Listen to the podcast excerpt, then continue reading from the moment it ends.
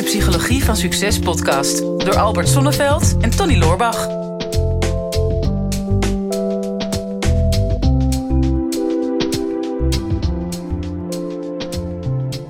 Ik eh, werd vanmorgen wakker met een vraag. Dan dacht ik, ik ga weer podcast opnemen samen met Tony. Maar is dit nou werk? Weet ik niet of dit werk voor jou is. Nee, nee, nee. nee. Nou ja, ik zeg eh, vaak bij wijze van grap zeg ik van... eh, ik ben mijn hele leven op vakantie en tussendoor werk ik. Mhm. En eh, het begint er ook steeds meer op te lijken dat het ook echt zo is. Ehm, ja, werk is altijd een heel belangrijk onderdeel van mijn leven geweest. Maar vakantie ook. Mhm. En ik weet dat er nogal wat mensen zijn die daar mee rondlopen met die vraag van ja, goh, ik, ik, ik zit nu ergens in loondienst en ik zou graag voor mezelf ehm, willen gaan beginnen. Mhm. En ik kan me ook voorstellen dat ja, deze podcast, die heet Psychologie van Succes, hè, dat stralen we ook uit. Twee succesvolle ondernemers die Mhm. Ja, vertellen. stralen we dat uit. Vind je dat? Nou, ik niet, maar dat krijgen we vaak te horen via de comments die we krijgen eh, op, eh, op Instagram en op eh, LinkedIn en sowieso Mhm. onder de YouTube. Dat, dat mensen wel het idee hebben van ons dat we succesvol zijn als ondernemer. Ja, perceptie is een groot goed. Is enorm goed. Daar zijn we ook heel goed in om dat te doen. Mhm. Ehm, en veel mensen dromen daar ook van. Van, nou ja, ik wil echt toch een keer weg bij mijn baas. En eh, vervolgens, eh, hoe doe ik dat dan? En wat is dan het beste moment? Mhm. En volgens mij is daar ook een vraag over gekomen, Tony. Ja, klopt. Ja, dat is goed dat jij hem even inleidt. Vraag van eh, Martine. Zegt, hi Tony en Albert, bedankt voor jullie leerzame podcast. Zie je, leerzaam, heb je het al. Ik luister er altijd met plezier naar. Meestal tijdens het sport en dan moet ik soms echt mijn lachen inhouden. En dan hoop ik dat niemand mij gezien heeft. Leuk wel. Ja, Ja, lachen zou ik zeker niet inhouden. Eh, mijn vraag is, hoe maak je de overstap om van een werknemer naar een ondernemer te gaan? Wanneer neem je ontslag? En dan een heel verhaal, maar ehm, eh, even kijken of daar nog iets nuttigs bij zit wat hierbij hoort. Liefst stap ik vandaag al over, maar ik denk dat het eerst tijd nodig heeft om iets op te bouwen. Ik merk wel aan mezelf dat wat ik nu doe niet mijn passie is. En ik word een beetje wanhopig en ongeduldig. Hoe hebben jullie die overstap gemaakt? Heb jij eigenlijk die, heb jij wel eens voor iemand gewerkt of ben je je hele leven ondernemer? ja ben nou je wel ja. eens echt een loonslaaf geweest? Ja, nou ja, ik ben op mijn vijftiende begonnen met een krantenwijk. dus, dus toen eh, Als ZZP'er. als ja, zes dagen in de week, man. Eh, ik had, ik had zo'n krantenwijk eh, van een kilometer of tien. Mhm. de, de buitenwijk van Hedel of Places bracht ik het Brabants Dagblad rond. Dus toen, toen was ik wel, nou ja, loons, loonslaaf voor een belachelijk laag bedrag. Mhm. Ehm, ja, en, en, en eigenlijk, ja, in mijn studententijd heb ik links en rechts nog wel wat gedaan. Ik heb ook bij een, een glaszettersbedrijf. Oké.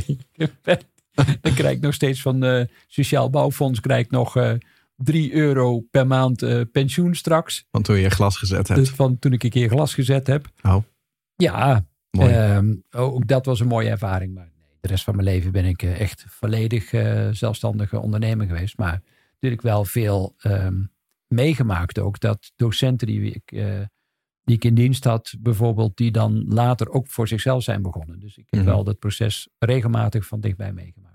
ja. En, en wat is dan het gouden moment, denk je? Om over te stappen. Ja.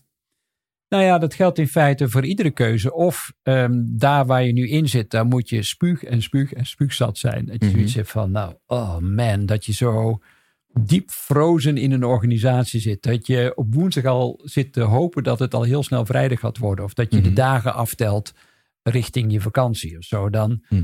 dan denk ik, dat zou al zo'n moment moeten zijn waarvan je denkt, oh, hoe eerder weg, hoe beter. Uh, Mhm. Hoe veilig die gouden kooi ook is. Ik heb bij veel organisaties gewerkt, ook eh, als, als adviseur of als coach. En dan maakte ik soms managementteams mee. En dan denk ik, je bent al dood voordat je begraven bent. Dit, Mhm. dit, dit, dit wil je gewoon echt is niet. vaak wel zo, denk ik. dus Eh, ja. ik denk dat je hem verkeerd omzegt. Ja, het wordt, het wordt problematischer als het andersom is inderdaad. ja, precies. Ja, Zo, dan is- hebben we een ingrijpende denkfout gemaakt. Ja. Ja. Maar goed, eh, je, snapt, je snapt het idee. Eh, Ja. Alsjeblieft, ga daar weg. Dus dat zou al één signaal zijn waarvan je weet, nu is het moment Uh, Mhm. Waarom zou ik nog langer wachten? En dan is er geen één reden dat, om het nog te rechtvaardigen dat je wel zou blijven. Mhm. Ook al verdien je nog zoveel geld, of ook al zijn de pensioenvoorzieningen of eh, de secundaire arbeidsvoorwaarden nog zo Mhm. goed. En misschien heb je net een huis, een hypotheek, en studerende kinderen. Ehm, ja, het gaat echt over het vertrouwen hebben dat je die stap maakt en dat er dan echt voor je wordt gezorgd. Ja. Doe de dingen niet vanuit angst, maar doe ze vooral vanuit vertrouwen. En het tweede is, een ander signaal, wat ik ook altijd wel heel gaaf vind, is dat je ook niet alleen maar zwaar de pest hebt in waar je nu bent, maar vooral ook dat je verlangt om iets te gaan betekenen voor mensen. Mhm. Dat je een soort ehm, ja, ideeën hebt waar je echt absoluut andere mensen mee kunt helpen. Dat je er enthousiast en blij van wordt. Mhm. Dat je daarover zit te dagdromen. Misschien heb je er al een keer een moodboard over gemaakt. Of heb je daar met andere mensen over gepraat. Mhm. Met andere woorden, er begint al iets op gang te komen. Ik noem dat altijd de vonk, Mhm. voordat het een vlam wordt. Dat je ehm, steeds meer droomt en, en dat dat steeds meer tijd van je, van je dag of van je dagen gaat, eh, gaat beslaan. Dat je echt weet, ik wil hier iets mee gaan doen. Mhm. Ja, nou en ehm, kijk, als je die ambitie hebt om voor jezelf te gaan. Ik heb ook, ehm, als ik het uh, vakkenvullen niet meereken, eh, twee, twee keer een baan, eh, één keer een vakantiebaan gehad. Of in een familiebedrijf dan. En in één keer een, een soort van gewone baan. Voordat ik ben gaan ondernemen. Ja. Ehm, dat is inmiddels tien jaar geleden dat ik, eh, dat ik begonnen ben. En ehm, ik wist eigenlijk altijd al wel dat er iets ondernemends in mij zat. Ook al had ik niet eens per se de behoefte om echt ondernemer te worden. Ehm, zeker, zeker niet te vroeg. Maar ik, ik merkte wel dat dat voor mij een beetje een zoektocht was van hè, wat, wat is dat nou precies wat in me zit? Waardoor dat ondernemerschap eigenlijk longt. Want er zitten een hoop nadelen aan. Hè? Eh, In, tenminste, mensen zien het altijd als een onveilig iets. Hè? Je gaat risico nemen. Eh, je, moet, je moet zelf je inkomen verdienen. Wat als het, wat als het slecht gaat?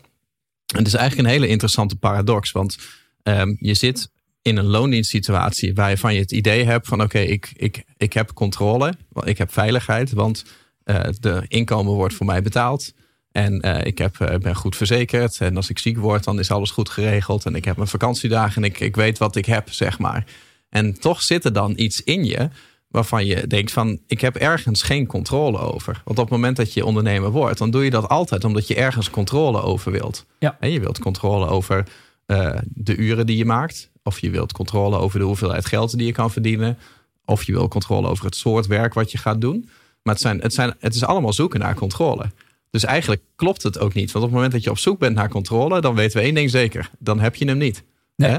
Dus, dus, dus het is ook een illusie dat je in control bent... als je nog vastzit in zo'n uh, in zo'n zo'n baan. Hè? Dat je dat niet los durft te laten. Maar het is meer de zoektocht van... wat is nou precies hetgene waar ik meer controle over zou willen? Hè? Is dat je inkomen?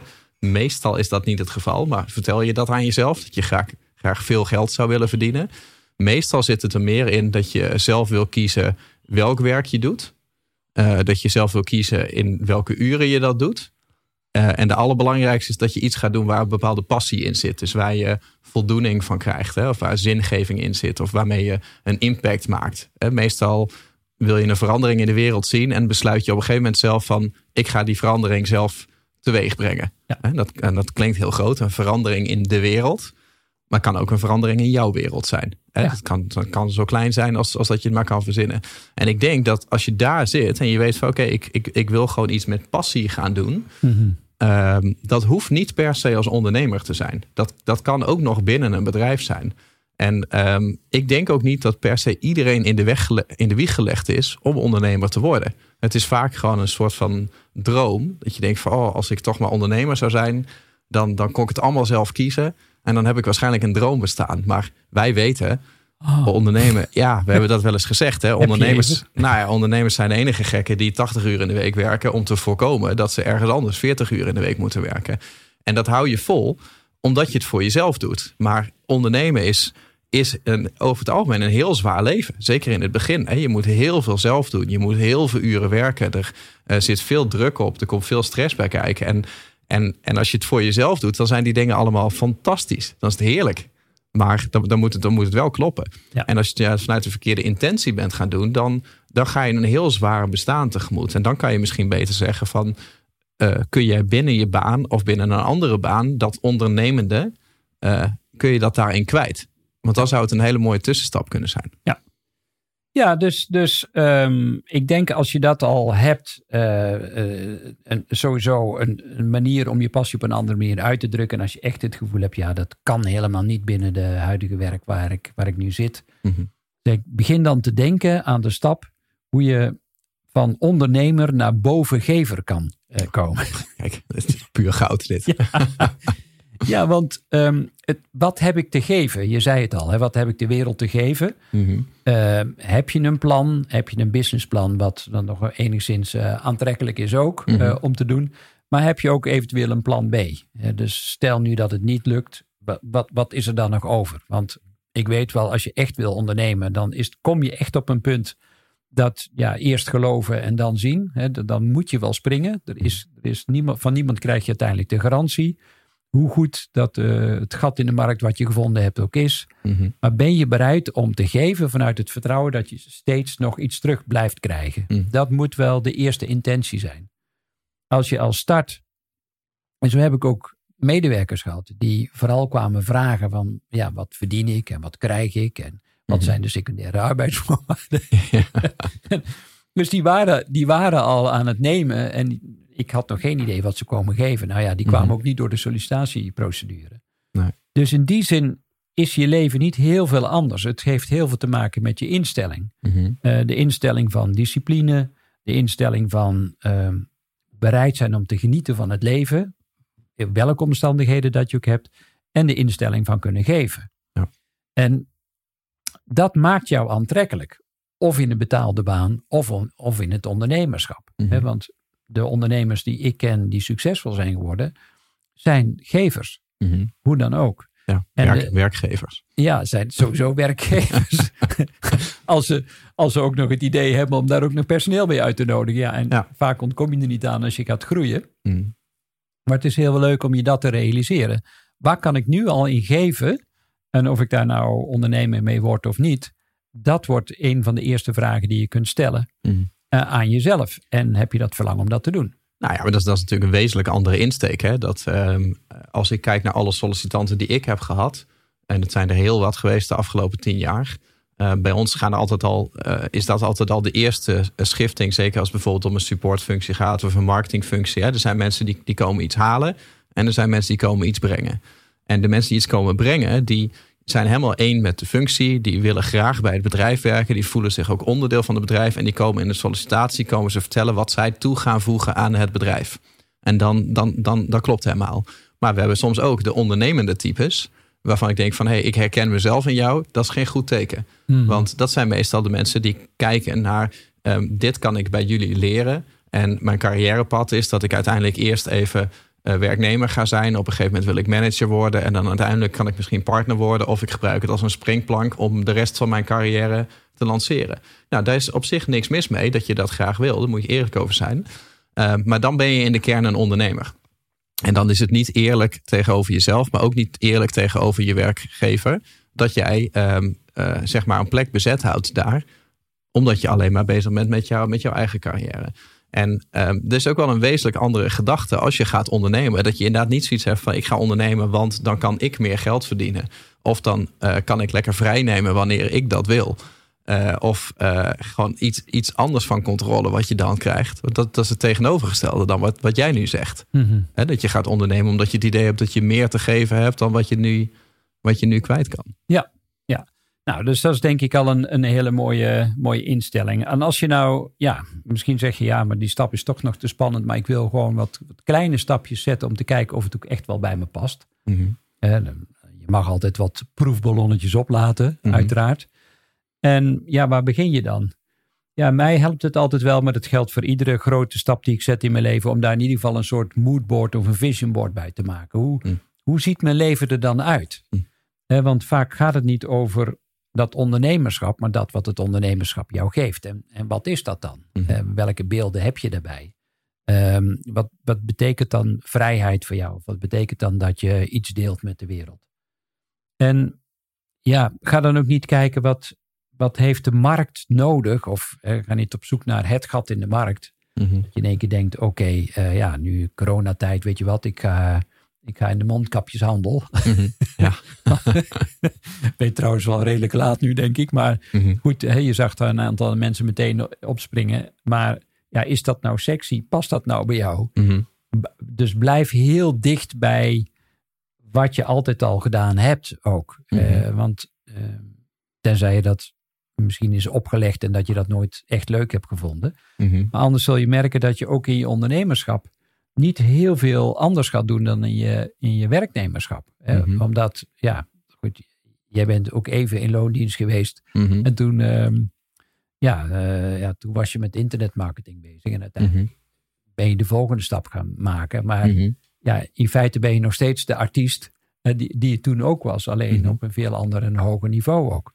Nou ja, maar daarom denk ik wel eens van, hè, nu je dit zo zegt, van, hè, eh, moet je dan een gat in de markt grijpen of niet? Ik denk, idealiter niet. Idealiter ga je gewoon datgene doen wat bij jou past.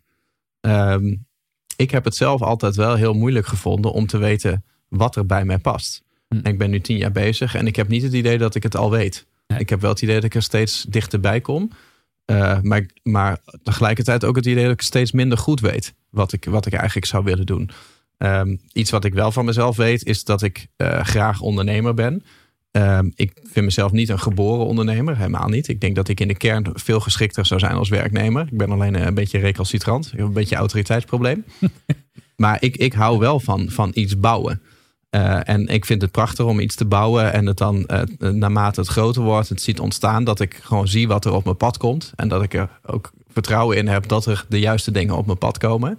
Ehm, en als ze er zijn, dat ik ze dan wel kan aangrijpen. En ik heb nu pas het idee, nu na tien jaar, dat ik nu in een rol kom waarvan ik denk dat dit is een beetje wat het altijd had moeten worden. En ik ben jarenlang de internetmarketing trainer geweest, spreker, eh, coach. Maar dat ben ik in de kern eigenlijk niet. Daar word ik steeds minder gelukkig van. Dus, dus waarschijnlijk ga ik dat op een gegeven moment eh, loslaten. En ik denk dat het op zich niet heel erg is als je op een gegeven moment een kans ziet dat je denkt van nou, ik kan me nu losworstelen uit het, uit het werknemerschap en de stap maken naar ondernemer. Want ik zie een verdienmodel en dan eh, ben ik kapitaalkrachtig en dan kan ik het leren en dan kan ik iets opbouwen omdat ik uiteindelijk heel iets anders wil gaan doen. Ehm, het lastige is alleen dat je dat van tevoren niet weet. Nee. Hè, wat eh, Theo Maassen zei, achteraf is het mooi wonen. Hè?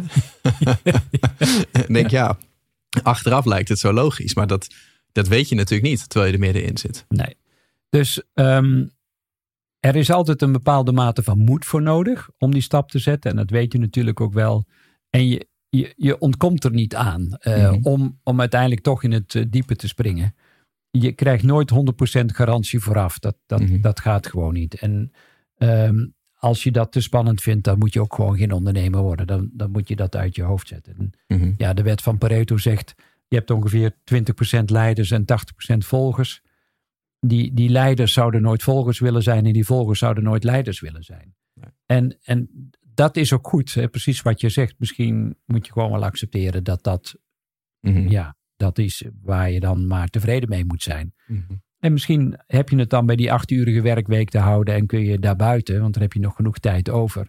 Misschien iets doen in de vorm van een hobby die nog wat geld oplevert, die je wat meer vrijheid geeft. Of misschien doe je ja, omwille van het geld die acht uur bij de baas per dag. Mhm. Maar kun je misschien in vrijwilligerswerk of op een andere manier nog wel een heel ander stuk van jezelf uitleven zonder dat je daar heel veel risico voor moet lopen. En Ja. waarom, waarom zou je dat doen? Ehm, het allerergste vind ik altijd als mensen op het eind van hun leven terugkijken ehm, en dan zeggen van ja, goh, ik, er zijn zoveel gemiste kansen. Ja. Eh, je krijgt alle kansen, alleen er is wel lef voor nodig. En Loesje zei het al, leven is het meervoud van lef. Mhm. En dat is een van de mooiste dingen, mooie eigenschappen die ik eh, altijd in, in ondernemers en echte ondernemers eh, terugvind. In, dat is een, een hoge mate van lef. Ja. Eh, zeker als de hele wereld zegt je bent knettergek en waar begin je aan en het gaat nooit lukken. Ja, dan het type ondernemer die zegt dan van oh ja, maar dan zal ik eens laten zien dat het wel kan. Ja. En, en dat, dat zul je wel in je moeten hebben als, als eigenschap. Er zijn wel meer eigenschappen van gepassioneerde ondernemers, maar dat is wel één. En naast dat je nieuwsgierig bent en dat je de bereidheid hebt om te geven. Nou, als, als dat allemaal in jou aanwezig is, dan, dan heb je in ieder geval al een heel stevig fundament. Ja, en ga dan kleine stappen zetten. En ik, ik zeg ook altijd wel, als je in die richting aan het denken bent, praat ook veel met ondernemers. Mhm. en, en, en stel goede vragen. En laat je ook coachen. Ja. Dan wil ik niet zeggen dat je nou direct iedere business coach moet omarmen. Mhm. Ehm, maar er zijn absoluut wel mensen die eh, een succesvol bedrijf hebben neergezet. Eh, ik, ik ben in het begin gewoon naar iemand uit de quote 500 gestapt. Die woonde bij ons in het dorp. En toen heb ik gezegd, goh, ehm, zou je mijn mentor willen zijn? Mhm. En ja, dat was een hele stoere vraag. En hij rolde zo wat, wat van zijn stoel van het lachen. Hij zegt, ja, die vraag heb ik nog nooit gehad. En wat, hij begon gelijk zakelijk. Wat, wat stel je er tegenover? Mhm. En eh, toen zei ik van, nou ja, ik kan je een voetreflexmassage geven. en hij vond dat zo'n belachelijk voorstel dat hij twee jaar mijn mentor is geweest. Oh ja, ja. Ja, maar het is wel, kijk, ik, ik denk dus als je gaat starten, dan moet je juist niet een business coach hebben. Mm. Dan, dan moet je ook niet bij jou of bij mij zijn. Nee. Zeker niet, hè, voordat we straks weer een volle inbox hebben. Want ehm, in het begin, als je gaat ondernemen, je kan het beste gewoon naar een ondernemer toe gaan die gewoon zijn eigen bedrijf heeft en die er helemaal niet zijn vak van maakt om andere mensen te leren ondernemen. Juist, ja. Eh, een aantal ondernemers waarbij je kan toetsen van dat idee wat ik heb. Wat vind je daarvan en hoe zou je dat aanpakken? En die eerste stappen, dat is toch vaak gewoon, daar zit, daar zit zo'n energie in, eh, waar, waar, waarbij eigenlijk alles wat je creëert in eerste instantie goed is. Ehm, en waar je ook gewoon moet genieten van dat je het zelf aan het doen bent. Ik denk, een business coach, nou ben ik helemaal niet van de business coaches, maar als zal relevant worden, dan is dat pas op het moment dat je vastgelopen bent in je business. En dat je een frisse blik nodig hebt van iemand die een hoger niveau mee heeft gemaakt. Ja. En die jou kan aangeven waar, waar de bottleneck zit. En dat maakt het al een stuk makkelijker om te gaan starten. hè. Als je, als je, geen, coach, als je geen coach nodig hebt, hè, moet je gewoon gaan doen. Juist. Ik denk, weet je, je had het net over eh, eh, terugkijken op gemiste kansen. Ik moet dan meteen denken aan eh, Sven Kramer op de Olympische Spelen. De eerste 10 kilometer die hij in de pocket had. Waar hij eh, verkeerd wisselde van, eh, van baan. Dat is ook lekker treffend. Hè? Die koos de verkeerde baan. Gemiste kans. En dan weet je, zeg maar, als je daar naar kijkt. Ja, ik weet niet hoeveel schaatsfans er zijn, net zoals ik. Van eh, hoe lang je daar dan nog op terug kan kijken. Van oeh, toen, toen, toen had ik het moeten doen, zeg maar. Ja. En ik, ik denk ook wel dat heel veel ondernemers dat hebben. Die het uiteindelijk niet hebben gedaan. Weet je, als je het voelt, dan moet je het gewoon doen. En ik denk dan juist in Nederland, sowieso, ondernemen is risico nemen. En als je geen risico durft te, nemen en je durft niet te investeren, dan moet je het niet doen. Nee. Maar als je dan toch risico gaat nemen, ja, je zit in Nederland. Er is bijna geen plek op aarde waar je minder risico hebt om te gaan ondernemen. Want ja, wat kan er gebeuren? Ja, oké, start je een bedrijf en dan zeg je je baan op en dan mislukt dat bedrijf en dan, ja, dan moet je er weer mee stoppen en dan moet je weer ergens gaan werken. Maar er zijn, er zijn zoveel vangnetten in Nederland. Hmm. Dat je, dat je, kan, je kan nooit door een bepaalde ondergrens heen vallen. En dan is eigenlijk ben je het moreel verplicht aan de- gewoon de zegen die je hebt dat je hier woont. Want heel veel mensen zijn niet zo gelukkig wereldwijd. Als je dan al het geluk hebt gehad dat je hier woont, ja, om, omarm dat dan ook en durf dan dat laatste kleine stukje dan ook nog zelf te gaan doen. Geweldig, mooie afsluiter. Ja, heb jij de stap gemaakt van eh, werknemer naar ondernemer? En, eh, en hoe is dat gegaan? En heb je nog een gouden tip? Deel ze hieronder, onder de YouTube. Eh, daar zijn we altijd ontzettend blij mee. Abonneer je. Je kunt ook altijd even een duimpje geven. Kortom, onze familie, onze podcastfamilie, wordt daarmee steeds groter. En eh, een familie van ondernemers in Nederland, wie wil dat nou niet? Dit is de Psychologie van Succes podcast door Albert Sonneveld en Tony Loorbach.